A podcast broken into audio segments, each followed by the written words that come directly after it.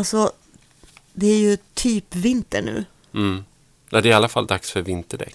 Ja. Om inte annat. Och det är ju det värsta som finns. Att hålla på med vinterdäck och skrapa rutor på bilen och jävlas. Och vet du vad, det, vet du vad en jätteintressant sak i Sundsvall? Nej. Här vill då Sverigedemokraterna förbjuda dubbdäck i innerstan. Är det sant? Mm. Det känns liksom som någonting som Sverigedemokraterna skulle vara emot. Det är ju ändå ett populistparti. Ja, men ska jag berätta varför?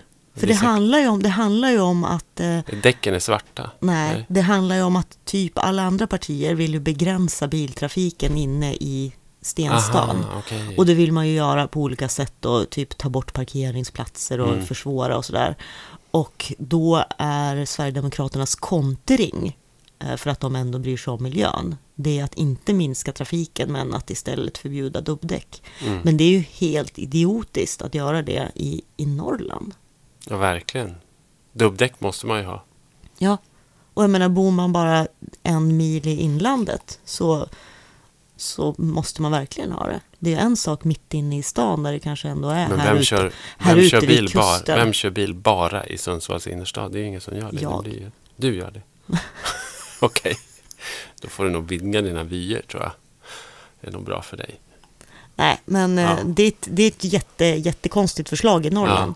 Jag tycker det är tillräckligt konstigt Men på håll- Hornsgatan. Jo, men håll med om att det är en härlig känsla. När man, när man vet att man liksom har bra däck och det är dåligt väder och dåligt underlag, men man tar sig fram. Och, det är väl en härlig känsla. Det är väl liksom så här, då, då känner man sig väl rustad. Då känner man, det är det sådana ögonblick som gör att jag kan känna mig som en, som en riktig norrlänning. Så här, när jag Ja, men det gör jag med. forsar fram på någon inlands, sån här, sån här hyvlad Norrlandsväg liksom, med isunderlag och i hyfsad fart med bra däck. Då, det, då, då, ja, det, Eller, eller som jag, som, som ett tag bodde på landet sådär och varje dag när jag kom hem var tvungen att ta mig upp för en jätte, jättebrant backe. ja, Och när det var då ishalt eller oplogat och sådär och att bemästra den backen. Mm. Ja, då Det- känner man sig, på, som du säger, som en riktig norrlänning. inte illa.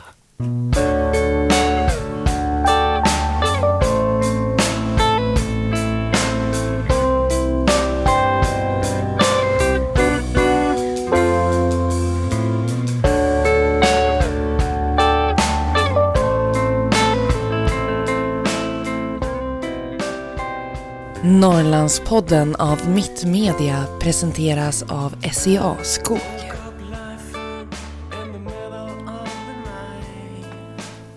Vet du hur långt det är från eh, Stockholm till Gävle, fågelvägen? Det måste vara ganska kort. 15, 17, 18 mil kanske? Det är fem, 15 mil fågelvägen, 17 bilväg. Mhm, Mm. Eh, om man skulle säga att Norrland börjar i Gävle Mm. så är det alltså så stämmer det delvis eh, när man säger att allt norr om Uppsala är Norrland. Mm. Ja, Eh, vi sitter med en karta här. precis. För nu är stunden kommen. Mm. Mm. Så att, eh, ett, ett, tips, ett tips är ju om du har möjlighet när du lyssnar på det här att faktiskt ta fram och följa med oss Mm. på en karta. Papper eller i I- paddan i eller datorn, datorn eller, eller telefonen. telefonen, ja. Ja, ta fram en karta och vi tänkte, vi tänkte helt enkelt ta oss genom Norrland och börja eh, längst söderut så hittade vi Alltså, ja, precis. Och vi, vi kanske ska säga också att, att vi tänker oss också med det här att det kan vara intressant dels att prata om alla platser men också därför att om Norrland ska funka i framtiden så kanske det behövs liksom skapas Norrland har ju enorma problem med avfolkning. Det ju både kommuner och regioner och län och, och sådär. Och man kommer vara tvungen att ordna service på helt nya sätt. Och då kanske det behövs nya flöden. Och då behövs det nya kommunikationer. Så det är också sådär... ja, kanske fundera på varför de här gränserna går exakt här de går. För de är ju märkliga, Läns, många. Länsgränser Ja. och Så landskapsgränser det. och, och så. Ja, det finns, det finns mycket att säga Ja. med, med kartan som Mm. utgångspunkt. Och ehm, det är ju då Gästrikland eh, som är det sydligaste landskapet Mm. i Norrland. Yes. Eh, Gävleborgs län Där ingår ju även Hälsingland. Mm. Precis. Och den allra sydligaste orten vi kan hitta i Gästrikland heter Berrek. Mm. Det finns säkert någon liten pluttby som Ja. ligger söder om. Men det, Ja. det är där, det, det, det ligger vid Dalälven och i närheten av eh, Gysinge. Mm. Och det är ju då...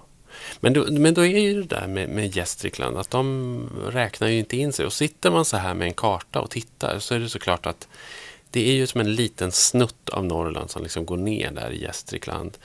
Med, och gränsar till Västmanland och Uppland och Dalarna. Känns ju som om det hänger mer ihop med det här Dalarna-området. Eller, Ja, berg- eller det ju berg- Dalarna, det är Bergslagen. Det är Bergslagen, det är ju ja. Sala, Exakt. Avesta, Fagersta. Så det är ju ett sånt, Mm. alltså det är ett, och Bergslagen är ett ganska starkt kulturområde om man tittar liksom på byggnadskultur och på annan. Det, det är ju inte, är det ju- det, det är mycket troligt att människor som bor där i sydligaste Gästrikland känner sig mer hemma i Bergslagen än i Norrland. Skulle jag tro. Kvalificerad Absolut. gissning. Ja, Mm. kvalificerad gissning. Mm. Det är väl min känsla också, ja, verkligen. Och det gäller ju hela Gästrikland och Gävle och sådär. Mm. Men om vi ska börja ta oss eh, norrut, för norr, norr är ju liksom den enda riktning vi känner till. Ja. Eh, och då ska vi ta E4 Jag norrut. tycker vi kör sen så- E4 längs kusten. Och sen så kör vi någon inlandsväg neråt, 45 kanske eller någonting. Mm. Ja, Mm. okej. Men då, då hamnar vi, då, då har vi alltså den stackars lilla kommunen Älvkarleby som är en av Sveriges minsta som ligger precis på gränsen mellan, mellan Uppland och, och eh, Gävleborg. Eh, känd för eh, det, det otroligt märkliga kinesiska eh, vägstoppet Ja, The Dragon Gate. det skulle vi kunna göra en specialpodd om för det är så himla märkligt. Men jag kan bara säga jätte, jättekort sammanfatta. Det är så att Stanna inte där. när vägen drogs om en gång i tiden, när de byggde ny E4, så hamnade Älvkarleby, som är en gammal stolt turistort vid Dalälvens fors, eh, vid sidan av. Och då satt de på kommunhuset och kom på att om vi bygger ett jättestort kommunalt hotell ute vid E4 så får vi folk att stanna och då kan folk bo i Älvkarleby kommun och så kan vi skapa arbetstillfällen så kan vi få in fisketurister. Så byggde de det där. Och det blev en stor mutskandal därför det var typ kommunalrådets svåger som fick byggkontraktet. Och de åkte på mutresor med sina fruar. Och det blev en enda stor härva. Och sen så byggdes det där. Och det var konkursmässigt redan innan det var färdigt. Och vad jag förstår så betalar fortfarande de stackars kommuninvånarna i Älvkarleby kommun flera hundra kronor om året på kommunalskatten för det där havererade. Plus att de har ju stängt igen hotellet, tror jag. Ja, men alltså det är Det, det är som en vägkrog nu. Jo, men, ja, precis. Men, Men- det är ju många led i den här Ja, i, ja. tråkiga, som jag ska superkort. Eh, så, så blev det flyktingförläggning ganska omgående, vilket var en, en märklig ställe att ha flyktingförläggning på, men det är ju ofta så med flyktingförläggningar. Eh, det köptes av en privatperson som sen sålde det vidare till en, en kines som har blivit miljardär på myggmedel och Åh. som köpte det där därför att han tyckte att det var feng shui på den där platsen. Eh, och sen har han lagt ner åtskilliga hundra miljoner på att med importerade kinesiska arbetare och i, liksom i ständig bråk med svenska myndigheter bygga om det där till, någon jättestort, till ett jättestort kinesiskt kulturcentrum som aldrig har kommit igång. Hotellet står tomt. De har byggt en stor kung fu-skola som inte heller kommit igång. Det är jättemånga olika byggnader, du måste ja. kolla. Ja, ja. Och sen har de byggt en miniatyr av terrakotta-armén och den kinesiska muren. Och, eh, och sen så ligger en restaurang där, där det alltid är 13 grader och, och där det sitter kineser i, i dunjackor som serverar folk. Alltså, det är ett sånt, har man inte varit där så kan man åka in och titta för det är en sån otroligt märklig sån här äh, skräckbild av globaliseringen på något konstigt sätt. Men det, det är där Norrland börjar. Det börjar faktiskt med Dragon Gate. Ja, Ja. ehm, tyvärr. Och sen, gör det. Men ja. sen, sen, sen åker vi upp till, upp till Gävle. Mm. Jag vet inte om det finns så väldigt mycket att säga om Gävle mer än det vi, det vi redan har sagt och det vi har konstaterat flera Ja, gånger. de vill inte vara att med. de, de vill inte vara med. Vi och har det, inga och det lyssnare gör där. De, nej, och det gör de kanske förmodligen rätt i också. Ja, och tittar man de på har kartan närmare. Alltså, Ja. Tittar vi på kartan så ser vi, det är, det är väldigt nära. Mm. Det tar en timme och 23 minuter med tåg, Mm. snabbtåg, till Stockholm. Och en, Eh, typ så- 1,20 med... De hade ju när, när den nya E4 genom Uppland invigdes för mm, när det var åtta år sedan eller någonting och som förkortade den här resvägen ganska drastiskt så hade ju Gävle kommun en affischkampanj i Stockholms tunnelbana. Kommer du ihåg det? Nej. Med rubriken Swoosh Oj. så är du i Gävle. Mm. Så att, eh, Ja, de hör dit. Så vi Ja. passerar, vi passerar Gävle ja precis. enkelt. Nu är den här kartan så underligt underbart gammal så det här Ja. är ju gamla sträckningar. Av, men det, det får vi leva med. Ja, men, Men vi lever ju också i det förgångna. ja, men det är i alla fall E4 går ju ändå norrut från Gävle. Ja, precis. Ehm, och vad som kan sägas lite kort om landskapet det är att det finns utanför Gävle en ganska vä- väldigt liten men ganska trevlig liten skärgård. Alltså, Mm. Det är ganska pittoreskt och fint. Ja, och den fortsatte ju sen- längs, längs kusten och ända Ja. upp faktiskt upp, ända upp till Höga Kusten. Så är det en fin, fin skärgård Mm. Ja, utanför det är, det. Den är underskattad faktiskt, den skärgården. Det måste man ändå säga. Mm. Det är ganska fint. Och sen har du ju den här, det har vi pratat om också, om Norrland skulle vara självständigt och var man skulle dra gränsen. Och här har du ju den här gränsen här genom Ödmården som jag pratade Ja. om. Som är en, en gammal rövarskog som man var tvungen att ta sig igenom när man skulle resa norrut förr i tiden. Och det är, är ju då liksom gränsskogen mellan Gästrikland och Hälsingland. Och Ja. det känns, tycker jag, ganska mycket som någon slags mental Norrlandsgräns. För sen Mm. förändras också landskapet och det blir lite större och det blir lite mer dramatiskt liksom, när man kommer Ja. uppåt. Sådär. Och, och vi kommer till, till Hälsingland.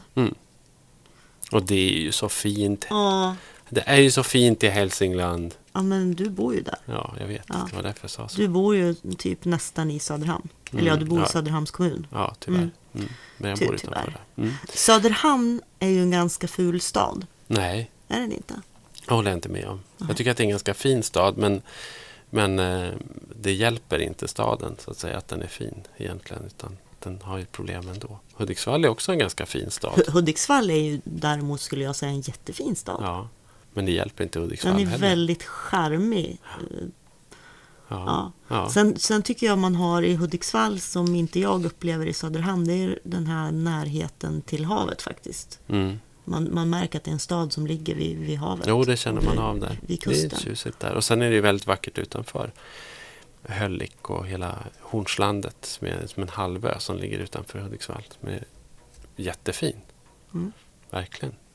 Men vi fortsätter Vi kan också här bara då. säga att, att hur långt vi har åkt. Mm, Eh, från Gävle upp till Hudiksvall mm. så är det ju ungefär en timme med tåg. Från Gävle till Hudiksvall, ja, Ja, ja, med tåget. någonting sånt Mm, ja. ja mm. Precis. Så att eh, när, Hudiksvall, då är man då är man tre timmar, då är man typ så här 2.45 ifrån Stockholm med Mm. snabbtåget. Så Mm. det är fortfarande liksom inte några avstånd att prata om. Nej. Men mentalt så märker man ju ändå att, att det är det. Att, att om man har det här Stockholmscentriska perspektivet. Precis, plus att vi börjar närma oss det här att från stad till stad så Exakt. är det ändå en timme. Det För finns, sen om man åker norrut från Hudiksvall då är nästa stopp Sundsvall. Ja. Och det är en timme. Ja, och där, sen är det ju den lunken ungefär när man reser norrut. Att det är så här, det kommer en det stad. blir lite längre mellan dem ju längre norrut man kommer. Ja, jo förvisso. Särskilt mellan Umeå och Skellefteå. Men, Mm. men liksom...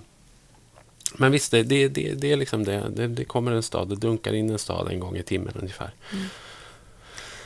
Ja, vad, vad, liksom det är ju... Jag tänker ju ofta, det här är ju verkligen så här sträckor som jag sitter och nöter. Mm. Liksom i princip varje, varje men vecka. Man blir, Hälsingland, är inte det, är inte det ganska så här...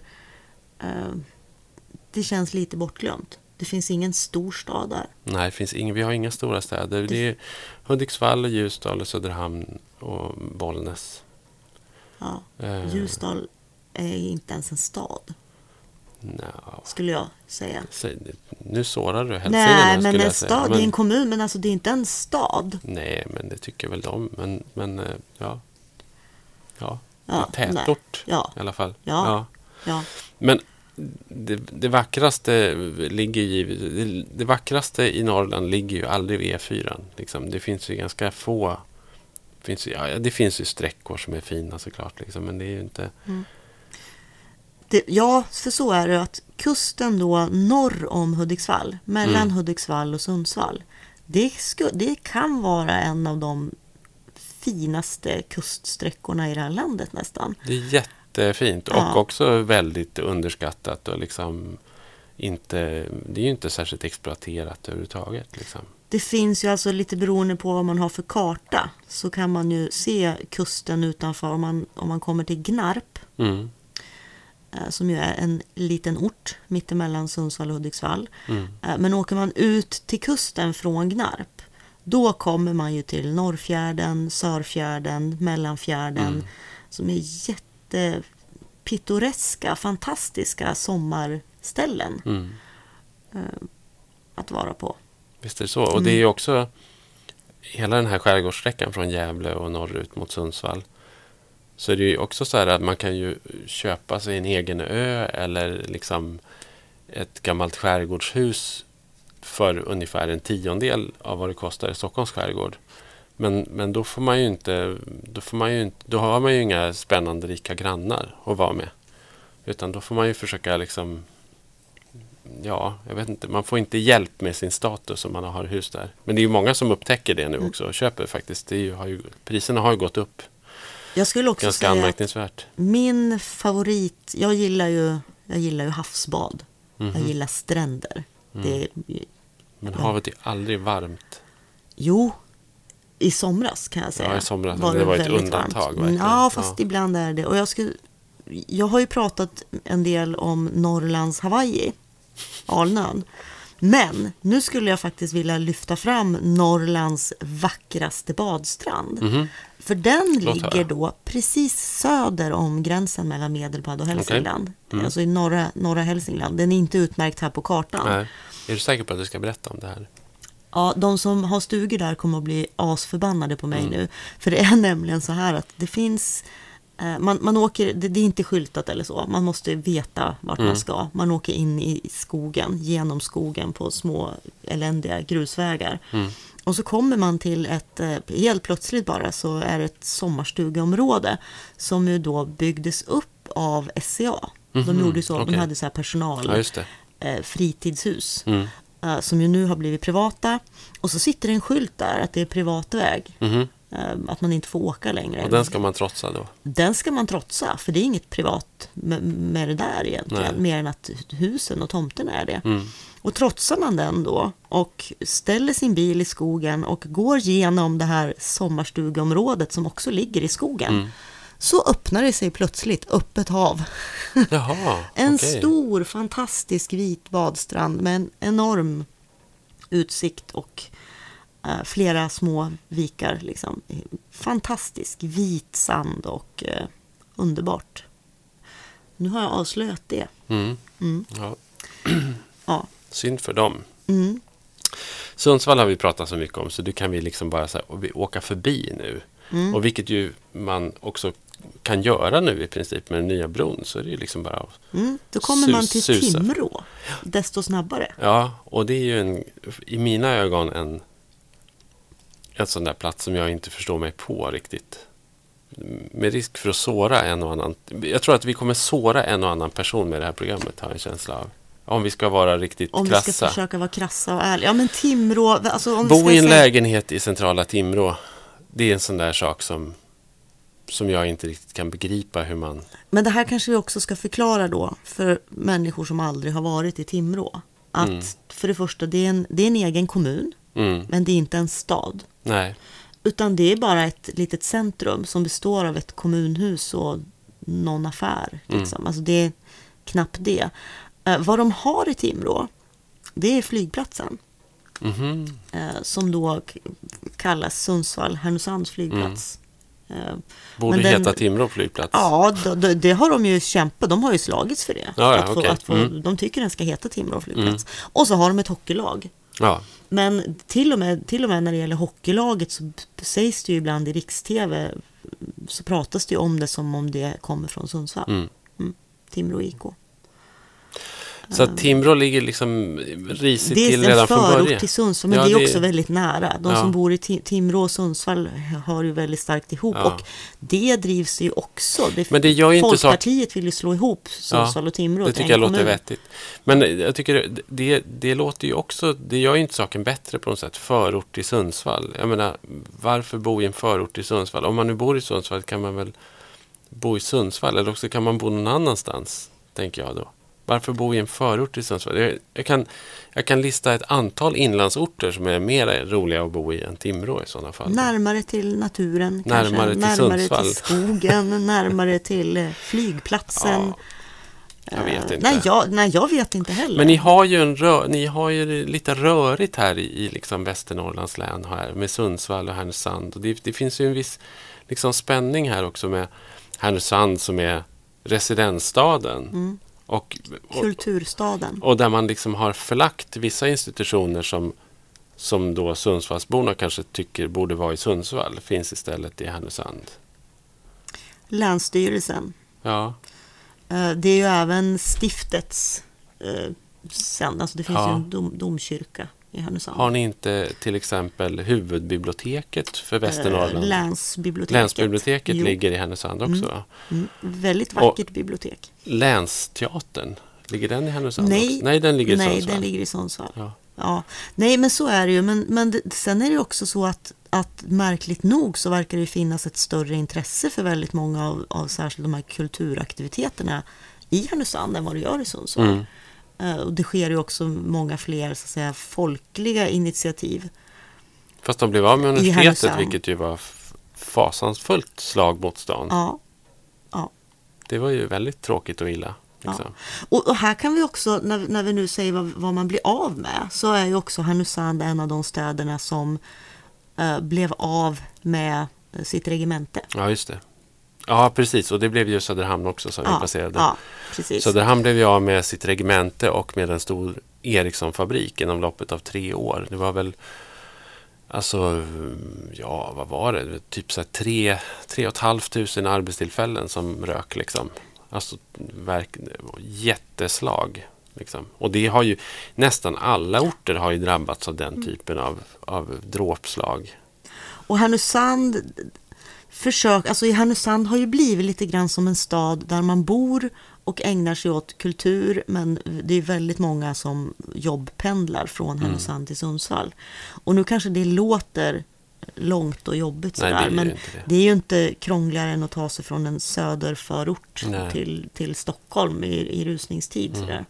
Men Härnösand är ganska tjusigt tycker jag. Ja. Alltså utseendemässigt är det ju en ganska, Det är en jättetrevlig en liten ganska stad. fin stad. Har du sett det nya fängelset som de har byggt förut? Har du åkt förbi det? Nej, Vad heter det? Det heter någon sån här Fiskviksanstalten eller någonting. det gamla ett sånt- fängelset ser man. Ja, det ligger ju vid Det ska ju E4. nu bli flyktingförläggning. Ja, det kan man tänka sig. Jag Mm. undrat vad det skulle bli.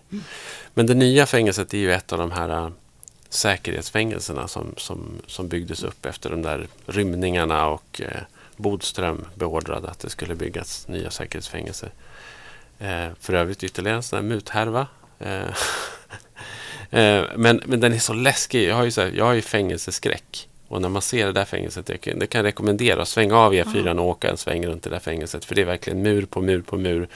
På taggtråd på taggtråd och höga stängsel. Och liksom, det finns någonting, eh, det, det är någonting så läskigt med det där. Liksom. Och där inne sitter det väl en handfull då, Men så var det ju även i det, gamla, i det gamla fängelset. Det var också ganska, alltså det var ganska tunga ja, jo, interner absolut. där. Jo, det, absolut. Men, men du, vi, jag tror vi måste köra Ja, vi lite måste- fortare. Ja, verkligen. Ehm, nu då- är vi ju då eh, Sundsvall och Mm. Timrå, ska säga, de ligger i Medelpad. Ja. Eh, Härnösand, då har vi kommit över till eh, Ångermanland. Yes. Och när vi åker norrut från Härnösand, då åker vi alltså in Eller. Höga Kusten. Ja, Kommer vi till. och det är ju, det är ju eh, verkligen en av de maffigare...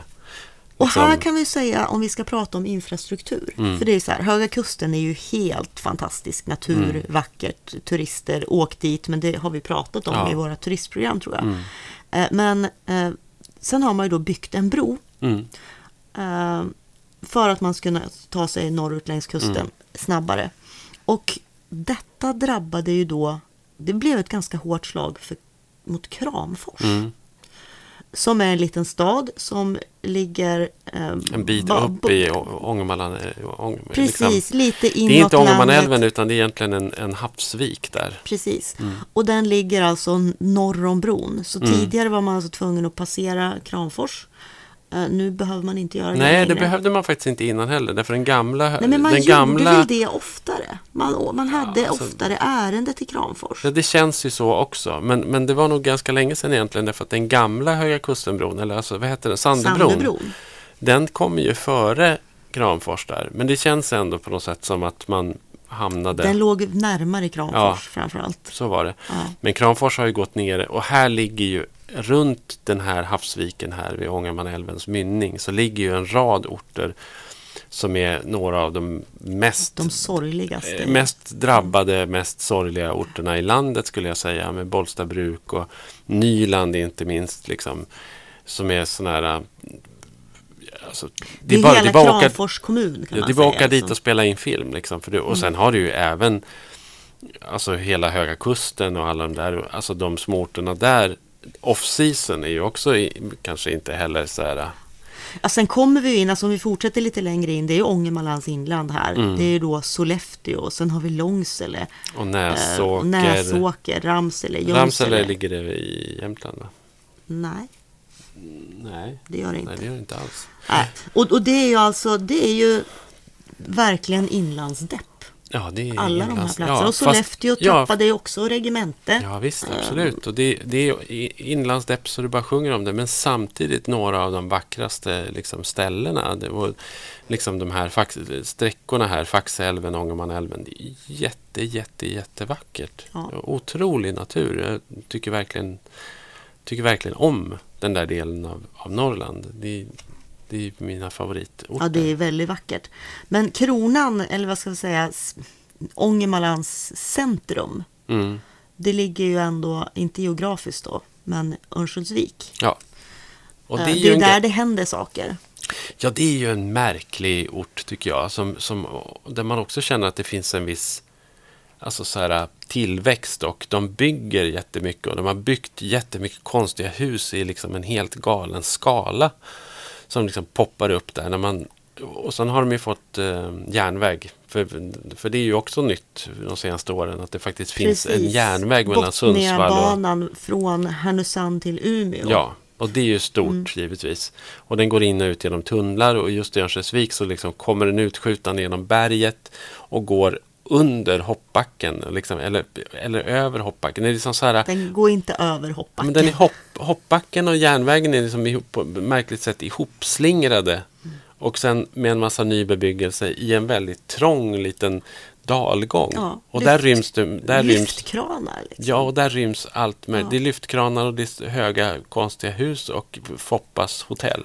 Ja. Och, det, och det finns också en väldigt eh, speciell anda i Örnsköldsvik, ska jag säga. Folk tror på Örnsköldsvik. Ja. De, de, de tror på sin stad, de trivs, Ja. de ser inga problem. Det, det finns inte det här deppet som, som Vi får åka dit, kännetecknar vi får åka dit och, och, och dunka lite vett i dem. Nej, jag tycker att vi borde, borde exportera deras eh, anda. Ja, men du- delvis, delvis ska jag säga. De, de, ehm, Nu är det den liberala ledarskribenten Nej, som men talar. de är också väldigt, eh, de är väldigt hockeyfixerade Mm. i Ja. Örnsköldsvik. Sen kommer vi till, eh, sen kommer vi till Husum. Och Husum är ju liksom så här, det är byggt kring en, det är byggt, Fabrik. det är byggt kring en fabrik, Husumfabriken, pappersfabrik, pappersmassafabrik. Där det rullar in, vad sjutton är det nu då? Jag- Jag har varit på den där fabriken ett antal gånger.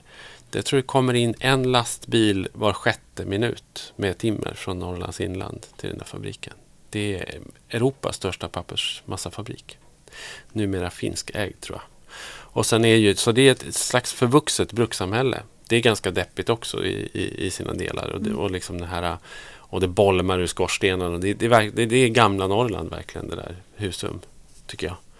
Men de har ju också fått en så här fräsch järnvägsstation liksom, utanför stan. Man kan pendla till och från Husum om man vill till Örnsköldsvik eller Umeå eller vart man nu vill Ja. åka. Men det är en ganska expansiv. Men om vi nu ska prata gränser så är det också Mm. så att Örnsköldsvik eh, ligger då i Västernorrlands län. Ångermanland och Medelpad, alltså Mm. som går ner till Sundsvall. Eh, Men Örnsköldsvik eh, har ju faktiskt närmare till Umeå än vad de har till Sundsvall. Och dras lite mer norrut. Ja, det tror jag. Det tycker jag också. Mm. Så att om man skulle tänka sig nya länsindelningar eller regiondelningar skulle, skulle, skulle Sundsvall, Härnösand och Hudiksvall, skulle det kunna vara liksom en region som börjar nästa i Örnsköldsvik? Då skulle nog? Kramfors också gå ihop med Härnösand och Sundsvall känns det som. Ja, men man säger det som är Västernorrland nu och Mm. Hälsingland. Mm. Och så flyttar vi helt enkelt Östersund Mm. upp till Västerbotten. Mm, ja, Örnsköldsvik. Ja, ja, jag sa mm, Östersund tror jag. mm. Jag menar Örnsköldsvik. Ja, men det tror jag också. Ja. För sen när man passerar Örnsköldsvik så kommer man ju, efter- och Husum, så kommer man ju ganska snart till gränsen, Västerbottensgränsen. Mm. Och då har du ju Rundvik, Nordmaling, Hörnefors och sen så kommer ju då jätten Glufs Glufs, Umeå. Ja. Och Umeå har vi också pratat ganska mycket om. Mm. Och vi har ganska mycket hyllat Umeå. Men nu skulle jag vilja säga en sak som kanske får en del att bli lite sura. Men eh, rent geografiskt och estetiskt. Det här området där Umeå ligger Mm. måste ju vara bland de fulare i hela Norrland. Om vi pratar naturskönhet, alltså det, Umeå är väldigt platt. Mm. I, princi- i, praktiken, hela Norrland är ganska eh, kuperat, Mm. bergigt och eh, Fast det är där tråkigt. Ja, och, Men Umeå, det är platt och tråkigt. och det är det egentligen från, alltså jag skulle nog säga, alltså egentligen från Hörnefors, inte riktigt Nordmaling, för där är fortfarande lite så här skärgård och lite fint. Men, men liksom från liksom från Hörnefors och liksom upp Ja. till Luleå i princip. Sen är det liksom Tråkigt. platt och det är tall, det är tallhedar och pinnmo och slyskog. Och, Jag tycker ju att tallmoar, som jag kallar det, eh, är vackert. ja, ja, Ja. jag har lite, Men- jag men- får lite ångest Men jag säga. kanske inte om det blir för mycket av det. Det Nej. finns väldigt mycket tallmo i Ångermanland också. Jo.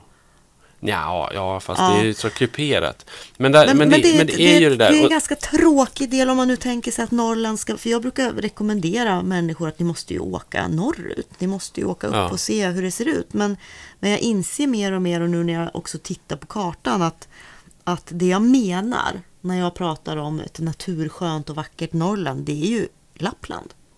Och då Mm. pratar jag alltså landskapet Lappland. Mm. Just det, för Västerbotten är ju Västerbotten är ju både ett landskap och ett län. Mm. Och det måste man ju hålla isär. Liksom. Och då är det så att Lappland, som ju då är ett landskap, halva Lappland hör till Norrbottens län och Mm. den andra halvan hör till Västerbotten. Och nu är vi i Västerbotten, Mm. eh, på den här ganska tråkiga. Alltså Ja, Umeå nu- är ju... Ja, vi har pratat om Umeå. Det är en stor och nu kommer ju dödens, och nu kommer ju det som jag brukar kalla för dödens väg. Det är liksom så här, Den- den här vägsträckan som, Mellan Umeå och där man känner Luleå. för att liksom svänga över på andra sidan vägen och frontalkollidera med en långtradare bara för att det är så jävla tråkigt att köra där. Mm. Och den här sträckan är också längre än alla andra. Så det är ju Norrlands, E4 längs Norrlandskusten, då kommer en stad vart åt, åttonde, tionde mil. Ja. Men mellan Umeå och Skellefteå så är det 16 mil tror jag. Mm. Något sånt där. Och, det, och det känns verkligen. Och det, sen är det också så här 2 plus 1 väg och den är ganska farlig och det är ganska så här backigt. Och det tar väldigt lång tid och det är väldigt mycket tung trafik. Och så kommer man till Skellefteå och det är också en ganska tråkig stad. Ja, det också. Mm. Mm. Jag, jag skulle ändå vilja, jag kom på, jag har en, en invändning här mot det jag just sa om Mm. fulheten. Ja, Det är att om man åker nordväst från Umeå en liten bit så kommer man ju faktiskt då till Vindelälven mm. eh, och med, med en by som heter Vindeln i centrum och Mm. det är ju Det är en väldigt vacker jättefint. älv. Ja, det är fint där. Ja, det är vackert. Eh, men ut till kusten igen. Ja. Ska vi passera Skellefteå? Ja, vi behöver inte säga så mycket om Skellefteå. En sak som jag kan säga och som har liksom så här förbättrat min arbetsmiljö som, som Norrlandsskildrare avsevärt de senaste åren. Det är ju att man numera kan äta anständigt i de flesta norrländska städer. Faktiskt. Eh, det finns eh, med undan, alltså Sundsvall har jag inte riktigt blivit sams med där. Nej. men Härnösand har numera en hyfsat bra restaurang. Örnsköldsvik, lite si och så. Men Umeå har flera Ja. Jättebra restauranger. Skellefteå har också en jättebra restaurang. En liten bistro vid älven. Eh, Piteå, ja, men jo, vissa dagar. Luleå, också bra restauranger. Så att liksom, det, har, det, har ändå liksom, eh, det har ändå gått framåt en aning. Mm. Och så var det inte förut, utan då var det liksom, man nötte vägarna i inlandet och käkade pizza och sen så kom man till en stad och då kunde man liksom få schnitzel. Eh, och så Mm. roligare än så var det inte. Men, men nu, är det, nu är det ganska kul faktiskt. Mm. Men Skellefteå passerar vi och far förbi Kåge och Byske. Och, och, och, eh, och det är samma sak här. Det händer inte särskilt mycket. Det är ganska nu platt. börjar vi faktiskt komma till de här långa sträckorna Ja, också. Eh, Ja, mm. Piteå. Piteå. Pite- Piteå, ja. Ja, Pite. Ehm, vad har vi att säga om Pite? Förutom att där börjar det ju ändå bli vackert, ska jag Mm. säga. Därför att här börjar som, eh, om man tittar på en karta Mm. som vi gör, så ser man ju att eh, mellan Piteå och Luleå upp till Kalix så finns det en skärgård. Mm. Väldigt mycket öar och där är det faktiskt, eh, det är vackert. Ja, det är fint. riktigt är ju- fint. Är det. Om man Riktigt tycker fint. om havet Ja. så är det ju Mm. fint. Mm. Jo, men det är de Men det ser man ju inte när man kör på vägen. Nej. Nej. Och Piteå som stad tycker jag är ganska charmigt. Ganska gullig, dynamisk liten småstad. Det känns att det går hyfsat bra liksom, för Piteå. Eh, och eh, det verkar som att det finns folk som stannar kvar och trivs och sådär också. Så att, ja. Mm. Piteå sitter ju ihop mer eller mindre med en ort som heter Öjebyn. Eh, som är, där det finns en paltseria. Där man kan välja mellan tror jag, 18 olika sorters palten och sånt där. Om man nu är Ja. begiven åt det Eh, Pite är ju paltens moder skulle man kunna säga. Ja, men. Pitepalten är ju Ja, den mest Jo, etablerade så kanske. har vi klarat av den schablonen. Ja. Ja. Mm. Ehm, Sen, ja, och det är ganska fint trakterna runt Pite också faktiskt upp eh, längs eh, Piteälven mot, eh, mot Älvsbyn och, och Storforsen. Och det är ju faktiskt också en, en, litet, ett, ja, men ja, en liten förbättring måste jag säga. Det är ganska trevligt. Och sen kommer vi upp till eh, Facebook. Nej, jag menar Luleå. Luleå. Mm.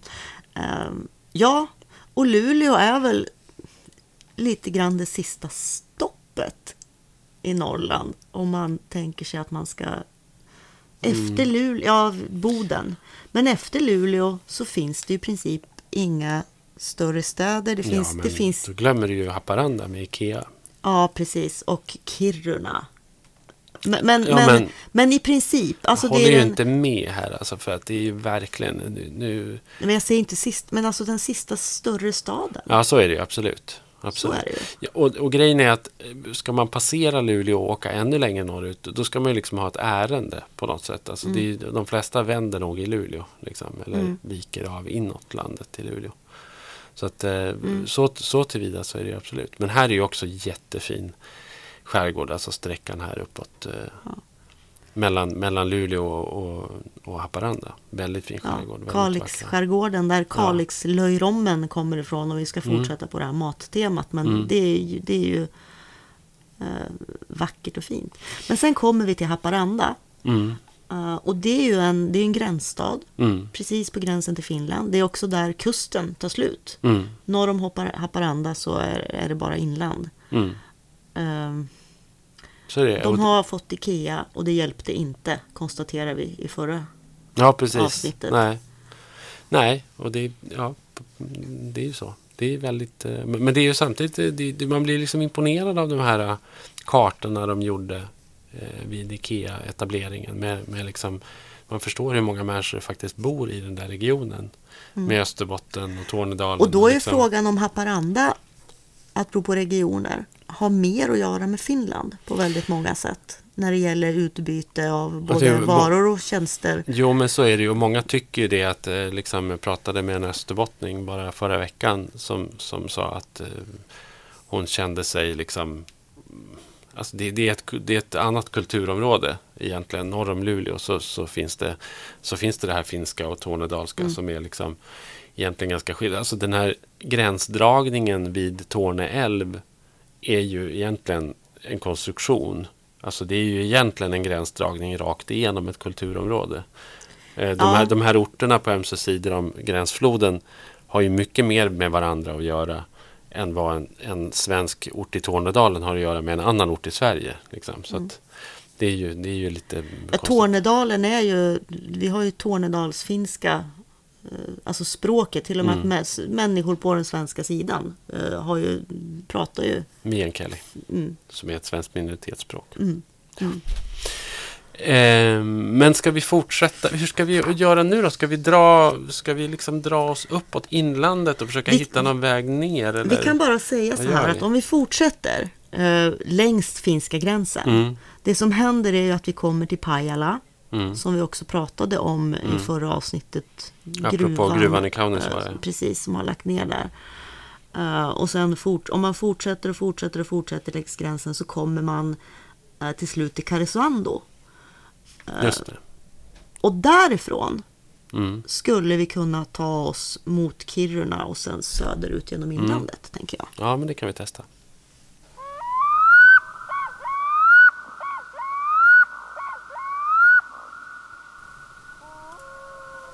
Ja, vi hade tänkt att vi skulle göra en lista, men det känns som att vi skiter i det. Va? Vi Ja, det är roligare att åka. Ja, vi åker på. För sen, nu är vi då alltså i Karesuando, viker av söderut och Vi kanske bara ska säga lite kort att Karesuando ja, är ju då Sveriges nordligaste kyrkby. Mm. Alltså den, det, det, finns, det är den nordligaste kyrkan Mm. eh, i Sverige. Eh, fortsätter man en liten bit norrut så kommer man till Treriksröset. Ja. Och dit kan man ju inte ens ta sig, dit måste man ju gå Mm. sista vägen. Och det är ju, vägarna här är ju inte, det är Nej. inte breda E4. nej, så precis. Sverige tar ju liksom... Ju, nu, nu är vi inne på små Mm. skogsvägar där man inte Det möter väldigt, det väldigt några bilar. Nej, det är väldigt mycket här. Jag kommer ihåg en gång när jag skulle åka från Kiruna till Kautokeino som ligger alltså på, och då åker man ju alltså förbi Karesuando och sen så åker man längs med Torne älv och sen så åker man igenom en del av Finland och sen så kommer man upp på norska Finnmarksvidda. Mm. Och jag var, det här låter ju som ett skämt, men jag var så tvungen att stanna en gång i kvarten och skrapa bort mygg med isskrapan från vindrutan. Alltså jag sprang ut, höll andan i, i 30 sekunder och skrapade. Okej, Jag ska inte berätta om när jag var tvungen att gå ut ur bilen på en rastplats utanför Karesuando för att kissa. Nej, det vill jag Eh, inte Jag ska höra. inte berätta om det, men det har med mygg att göra. Mm. Eh, Vi kan också nämna geografiskt att vi nu är norr om trädgränsen. Mm. Eh, För den som inte har upplevt det så är det ju så att någonstans söder om Karesuando så blir det landskapet väldigt förändrat. Men du vet, eh, vet du att trädgränsen egentligen inte avser en gräns för där det växer träd eller inte? Utan en träd... temperaturgräns? Nej, eller? nej, det är det inte, för Nej. det är odlingszonerna. Trädgränsen är framförallt en, en eh, gammal juridisk gräns som, som eh, kom till för att beskriva vad som var eh, liksom lapp, lappmark och vad som inte var lappmark. Okej, men vi kan ändå konstatera att det växer träd, men de är väldigt små, de är väldigt knotiga, de är väldigt låga. Det, det är en helt annan Mm. Ja. växtlighet Ja. helt enkelt här uppe. Ehm, ja, Men om vi åker neråt i alla fall så kommer vi till Vittangi och sen till Svappavaara. Och då kan vi också inflika, apropå den här gruvan i Pajala som nu har stängt, att det enda stora infrastrukturprojekt man har genomfört i Norrbotten de på, på många år, det är alltså en satsning på 2 miljarder för att förstärka vägen för gruvtransporterna mellan Pajala och Svappavaara, omlastningen då till järnväg för vidare transport till Narvik, omlastningshamn. Eh, och det där, är ju, det, det där är så himla typiskt Norrland. Det där är verkligen liksom så här. Den här vägen, den gynnar inte de som bor där. Den är inte till för att knyta ihop regioner. Den är inte till för att liksom så här stärka upp tjänstesamhället eller utbyte av... den av- är bara till utan för att den är- frakta Den är till för att transportera råvaror. Och mycket av Norrlands vägnät är en konsekvens av ett sådant strävan. Och väldigt mycket av Norrlands vägnät är liksom uppritat för att transportera ut råvaror ur landsändan söderut. Så att, Det är ju därför det inte är någon slump att tåget går här. Nej, precis. Alltså för att nu är vi ju ute, alltså vid kusten, där slutar tågrälsen i Umeå. Ja. Men i inlandet så finns ju då Inlandsbanan. Mm. Och sen så finns det malmtåg eh, då Mm. förvisso. Jag menar, det, det är ju en av de äldsta sträckorna i, i, i Norrland. Det är ju järnvägen mellan Narvik och Luleå som ju då byggdes för att transportera malm. Och eh, då vattenkraftsutbyggnaden som, som kom igång för att när man skulle elektrifiera den här järnvägen så småningom. Så att nästan all infrastrukturutbyggnad förr och fortfarande då än idag är en, en konsekvens av, av liksom råvarubehov eller energibehov för att liksom stärka upp råvarunäringen. Och det där, nu med facit i hand då, så är det ju så himla hemskt att det enda som kvarstår då om gruvan då försvinner permanent i Pajala det är då en svindyr väg med enorm bärkraft mellan Pajala och Svappavaara som man egentligen inte har nytta av. Den har kostat 2 miljarder. Och de pengarna hade ju då givetvis varit, kommit betydligt bättre till pass för att bygga fortsättningen på Botniabanan, det vill säga Norrbotniabanan mellan Umeå och Luleå som ju verkligen behöver bra kommunikationer. Ja. Eh, när det gäller kommunikationer och när det gäller storlek kan vi också säga att vi, vi har alltså en gammal kartbok här. Mm. Och vi har ett uppslag här där alltså i princip Norrbottens län tar upp hela det här uppslaget. Mm. Det får inte ens plats kan jag säga. Söd, sydligaste delen av Norrbotten får inte plats på det här uppslaget. På motsvarande kartuppslag så ryms alltså hela Götaland. Så att säga. Eh, Det ryms alltså Gotland, Öland, hela Skåne, Småland, Göteborg och halva Danmark. Och Vättern. Ja. På, Ja. på ett kartuppslag lika stort som där inte ens Norrbotten ryms. Mm. Och på det här uppslaget med Norrbotten så finns det i princip två större orter utmärkta. Mm. Förutom i Norge har vi lite. Men, och det är Kiruna och så är det Malmberget, alltså Gällivare. Mm. Visst. Det, det, är är, vad så. som Det- motsvarar hela, hela västkusten, Det bor ju väldigt, Öresundsregionen, Öland, Ja. Gotland. och det bor ju väldigt lite människor här. Det är det ju verkligen. Kiruna är jag ganska förtjust i. Just på grund av att det liksom är en sån underlig det är en sån underlig miljö egentligen någonstans. Liksom en gruvort på kalfjället. Eh, ganska fin ändå tycker jag. Med en säregen stämning och liksom med, med den här gruvan närvarande. Liksom med ljusen som Det flämtar väldigt bilarna. vackert. Det är ju väldigt vackert. När det är vackert. Liksom vyn när man kommer Det körande och söderifrån Ja, in visst. i Kiruna. Och det är vackert och det är brutalt och det är våldtaget på en och samma gång. Så där, det, är ju, det, är ju, det är ju verkligen så här Alaska eller norra Kanada. eh, Tänker man. Det är ju så, det är så nära Alaska man kan komma egentligen. Ja. Och Ki- Kiruna är ju också då, det, det har pekats ut som världens största stad och då menar man Ja, alltså men kommungränsen. så sådär. Men den är ju rent geografiskt så är ju Kiruna kommun störst i Sverige i alla fall. Mm. Eh, den är har jag, 37 mil från väst till öst Mm. är kommunen. Ja. Sen har du ju nästa stora gruvort eh, som då är Malmberget och Gällivare som, som sitter ihop. Eh, det är ju två orter egentligen men där, där är liksom eh, de har försökt skapa förtätning en gång i tiden genom att eh, genom att bygga en, en nu känns den väldigt omotiverad liksom fyrfilig motorväg emellan de här två små orterna. Det finns också en, gång, en gångväg emellan. Väldigt di- Parkas, Parkasleden. skulle mellan. man säga. Mm. Eh, och eh, Malmberget är ju då själva gruvhålet så att Ja. säga. Och det är ju också ett, ett hål som, som slukar staden bit för bit och har, har gjort det. Den stora delar av staden är ju riven och flyttad. Och det där är ju en process som pågår. Liksom det, här, det här ironiska Det är som också är... det som ska hända i Kiruna. Det är också det som- det är ja, ju märkligt att det inte pratas mer om det egentligen. Nej. Men det är ju den Att man ska här... äh, flytta hela stan. Det är den här på, på något sätt det- det här nästan poetiskt deprimerande med, med gruvorterna. Att, att liksom förr eller senare så måste man riva staden som, som gruvan har gett upphov till för att gruvan ska överleva och staden ska överleva. Och, och, och ingenstans är det lika synligt som i Malmberget där, där det liksom är en, ett stort öppet hål mitt i, mitt i samhället. Det finns ju vägar som gat, vä, gator som liksom går fram till gruvhålet och sen fortsätter på andra sidan. Det är väldigt vackert och Mm. väldigt, väldigt nedgånget.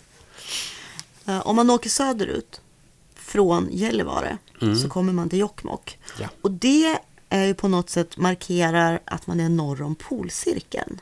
För Ja, det- Jokkmokk ligger strax norr om, här går polcirkeln. Ja, det gör det. Ja. Eh, och, och det innebär då midnattssol Mm. och, och mörker på vintern.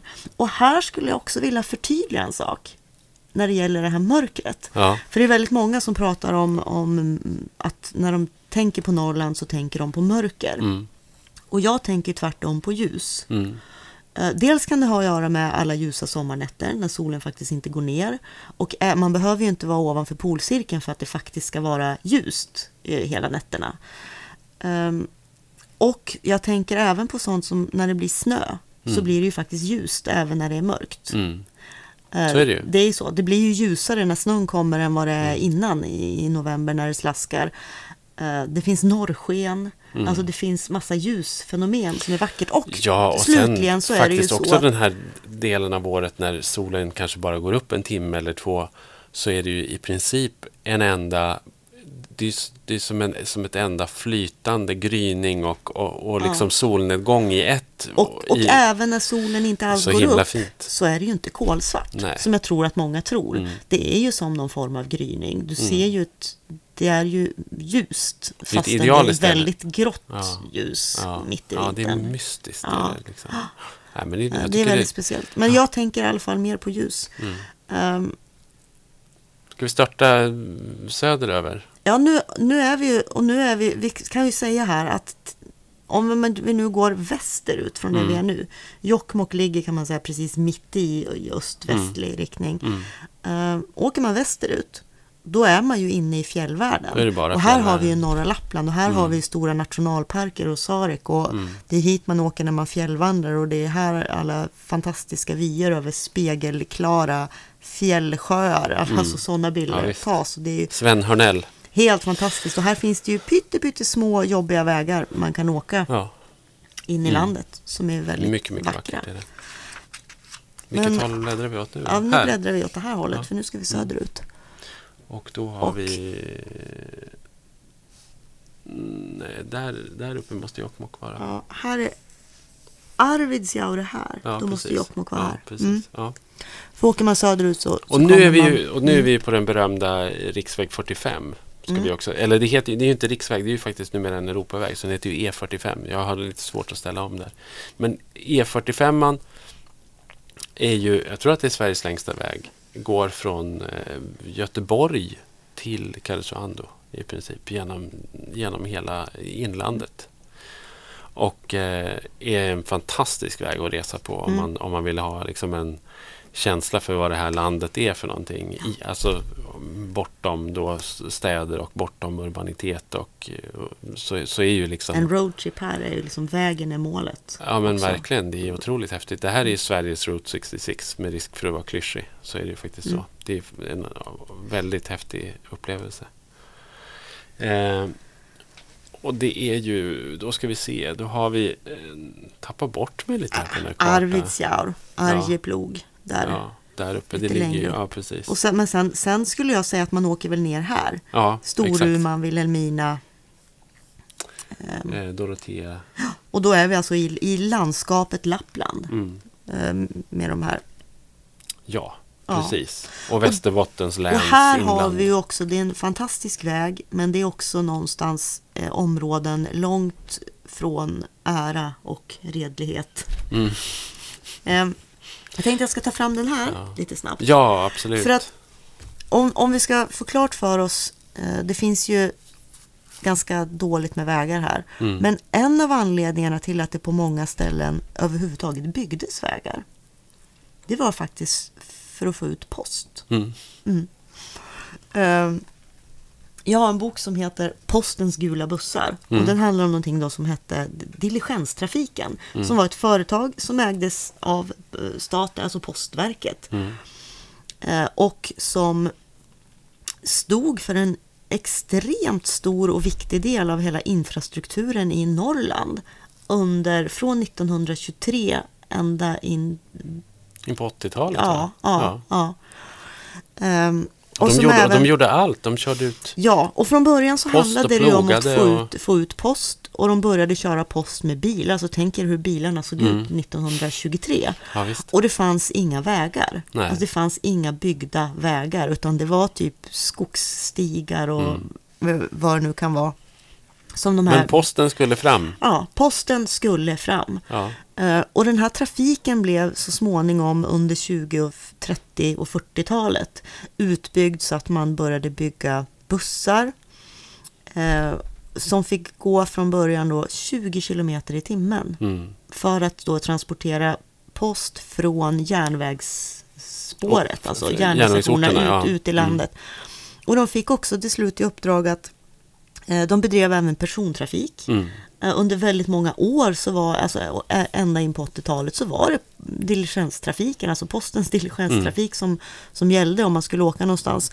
De fraktade mjölk, Körde eh, skolbarn. sk- körde skolbarn Mm. och de plogade vägen. Mm. Och man kan säga delvis att eh, det finns någonting som heter Lyckseleplogen Mm. som uppfanns tack vare de här gula bussarna. Mm. Därför att eh, de hade ju extremt svårt att ta sig fram på vintern. Mm. Det var inte riktiga vägar, det fanns inga plogar. Eh, Den här, den här postbussen var kanske den enda bilen som gick på en väg Mm. någonsin. Så då byggde man alltså plog, plogar som man satte fram på bilarna och bussarna. Och det här är ju liksom kopplat till din Ja, släkthistoria. precis. Det är det ju också. Eh, Min farfar körde en sån här buss. På vilken han, sträcka? Han finns omnämnd. Han körde faktiskt flera olika sträckor. Men eh, av den här, det här visste inte jag förrän jag läste den här boken. Mm. Det framgår alltså att fram till 1949 så hade då min farfar en privat busslinje som Mm. han körde på entreprenad. Idvattnet. Sigsjöhöjden, Vilhelmina. Precis. Och sen blev han uppköpt då. Och sen blev han uppköpt av posten eh, och fortsatte köra den sträckan. Och Idvattnet det är alltså en liten, liten, liten by utanför Vilhelmina där han bodde. Mm. Ehm, och han körde alltså därifrån till Sigsjöhöjden och till Vilhelmina och tillbaka. Mm. Och han körde skolbarn och han körde post och han körde mjölkkannor. eh, och kanske inte så mycket turister i det här området. Senare så flyttade han till Junsele och då körde han Junsele-Sollefteå. Mm. Eh, Ja, vad häftigt. Det här, Ja. är, ju, det, här är jätte, det här är jättefint. Det är liksom, man ser de här sträckorna som de trafikerade också. Mm. Och det var i princip alla, alla småvägar tvärs över Norrland, Mm. alltså som utgick från, från järnvägsnätet. På tvärs mot eh, råvaruflödet då Ja. egentligen. Ja, Ja. Så att det var ett, ett sätt att komplettera liksom, råvaruflödet. Mm. Ja, vad häftigt. Vi måste störta vidare, Mm. annars blir Mm. den här podden blir mm, tre timmar lång. Rekordlång. Ja. Ja, vi kör söderut Vi- genom Lappland, väg 45, Sorsele, Storuman, Vilhelmina. Drottninglandet, Mm. som det heter. Ska vi åka? Vi kan nämna lite orter här liksom vid sidan av, för det här har Mm. ju tvärvägen. Det här är ju en ganska, det här är en ganska liksom, viktig rutt också tvärs över. Nu kan vi se, eh, vägen då mellan Umeå och Mo i Rana.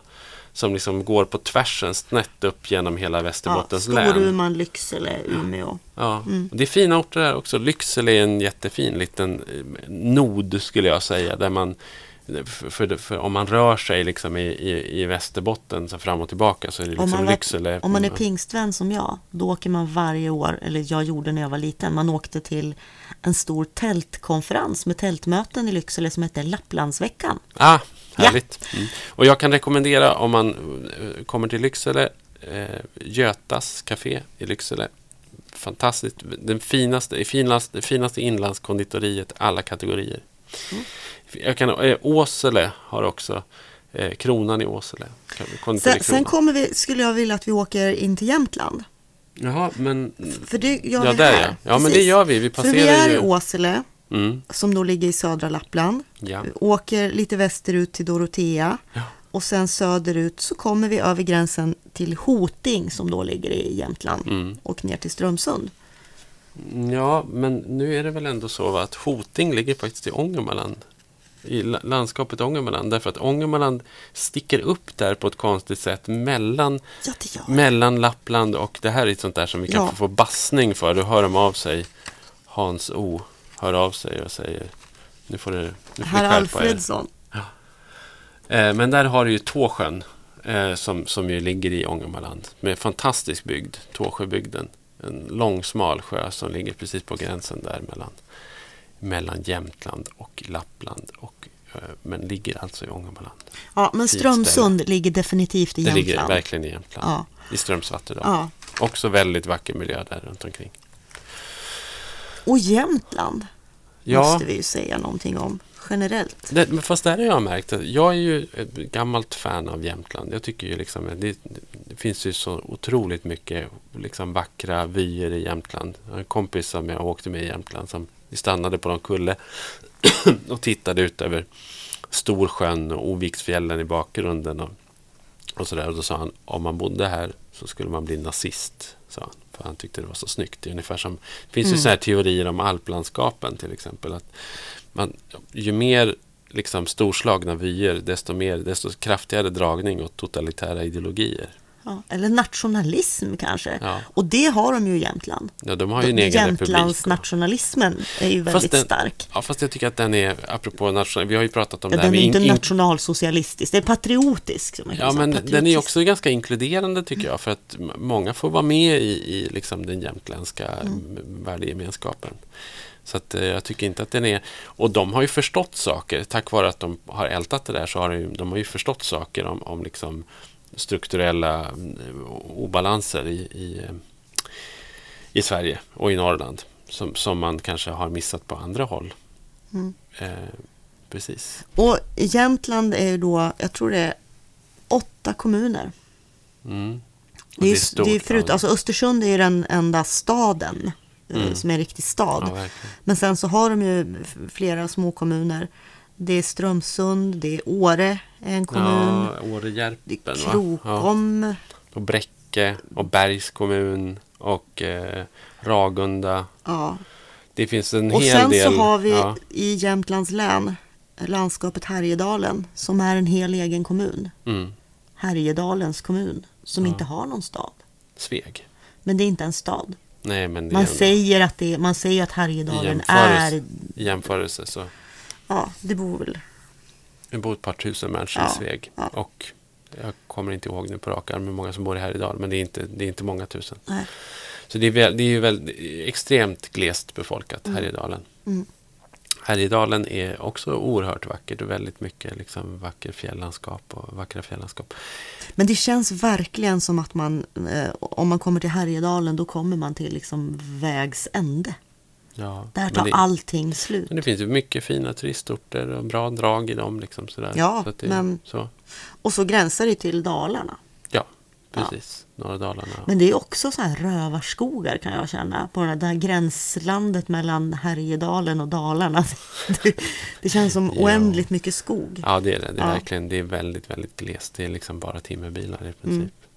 Men Storsjöbygden i alla fall, vi hoppade ju över Jämtland lite. Ja. Man måste ju kanske ge jämtarna Mm. det. Att Jämtland Mm. är ändå, liksom, tycker jag, en ganska så central, viktig del av, av, av Norrland. Framför ändå. allt så är ju Östersund eh, vid sidan av Kiruna. Alltså, man kan säga två större städer i inlandet i Mm. Norrland. Och Ja, det är de Östersund en- och Kiruna. Ja, precis. Mm. Och det går ju ganska bra också för liksom Östersund-Åre-regionen. Mm. Eh, rent ekonomiskt. Det, det, det, funkar ju, det funkar ju där liksom hyfsat. Och det finns en viss framtidstro. Och, och liksom, så att, Ja.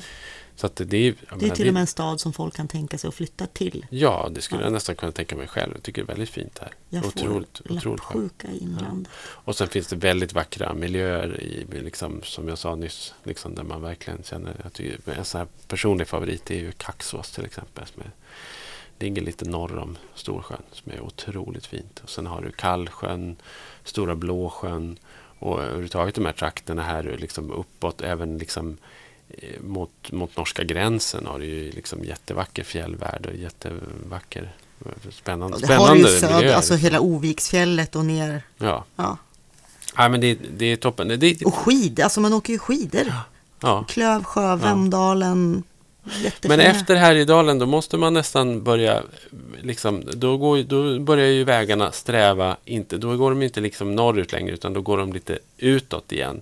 Därför att här är också så där uppenbart, liksom, om man tittar på kartan, att, att det liksom är, det finns en, en alltid en riktning på vägarna i Norrland som är liksom snett uppåt västerut. Mm. Och som har att göra med liksom de här Alltså dels har det ju att göra med älvdalarnas sträckning men sen har det också att göra med liksom de här transportlederna. Och här är ju numera en väldigt viktig transportled kan man ju säga av, inte då av, av gods enbart, liksom timmer och sånt, utan av fjällturister. Och de kommer ju den här vägen här förbi Ljusdal, antingen via Sveg eller, eller ja, via Sundsvall och sen upp, upp mot Östersund. Liksom. Att, eh, Och här har vi också Ånge i, Mm. längst in i Medelpad upp mot gränsen till Jämtland.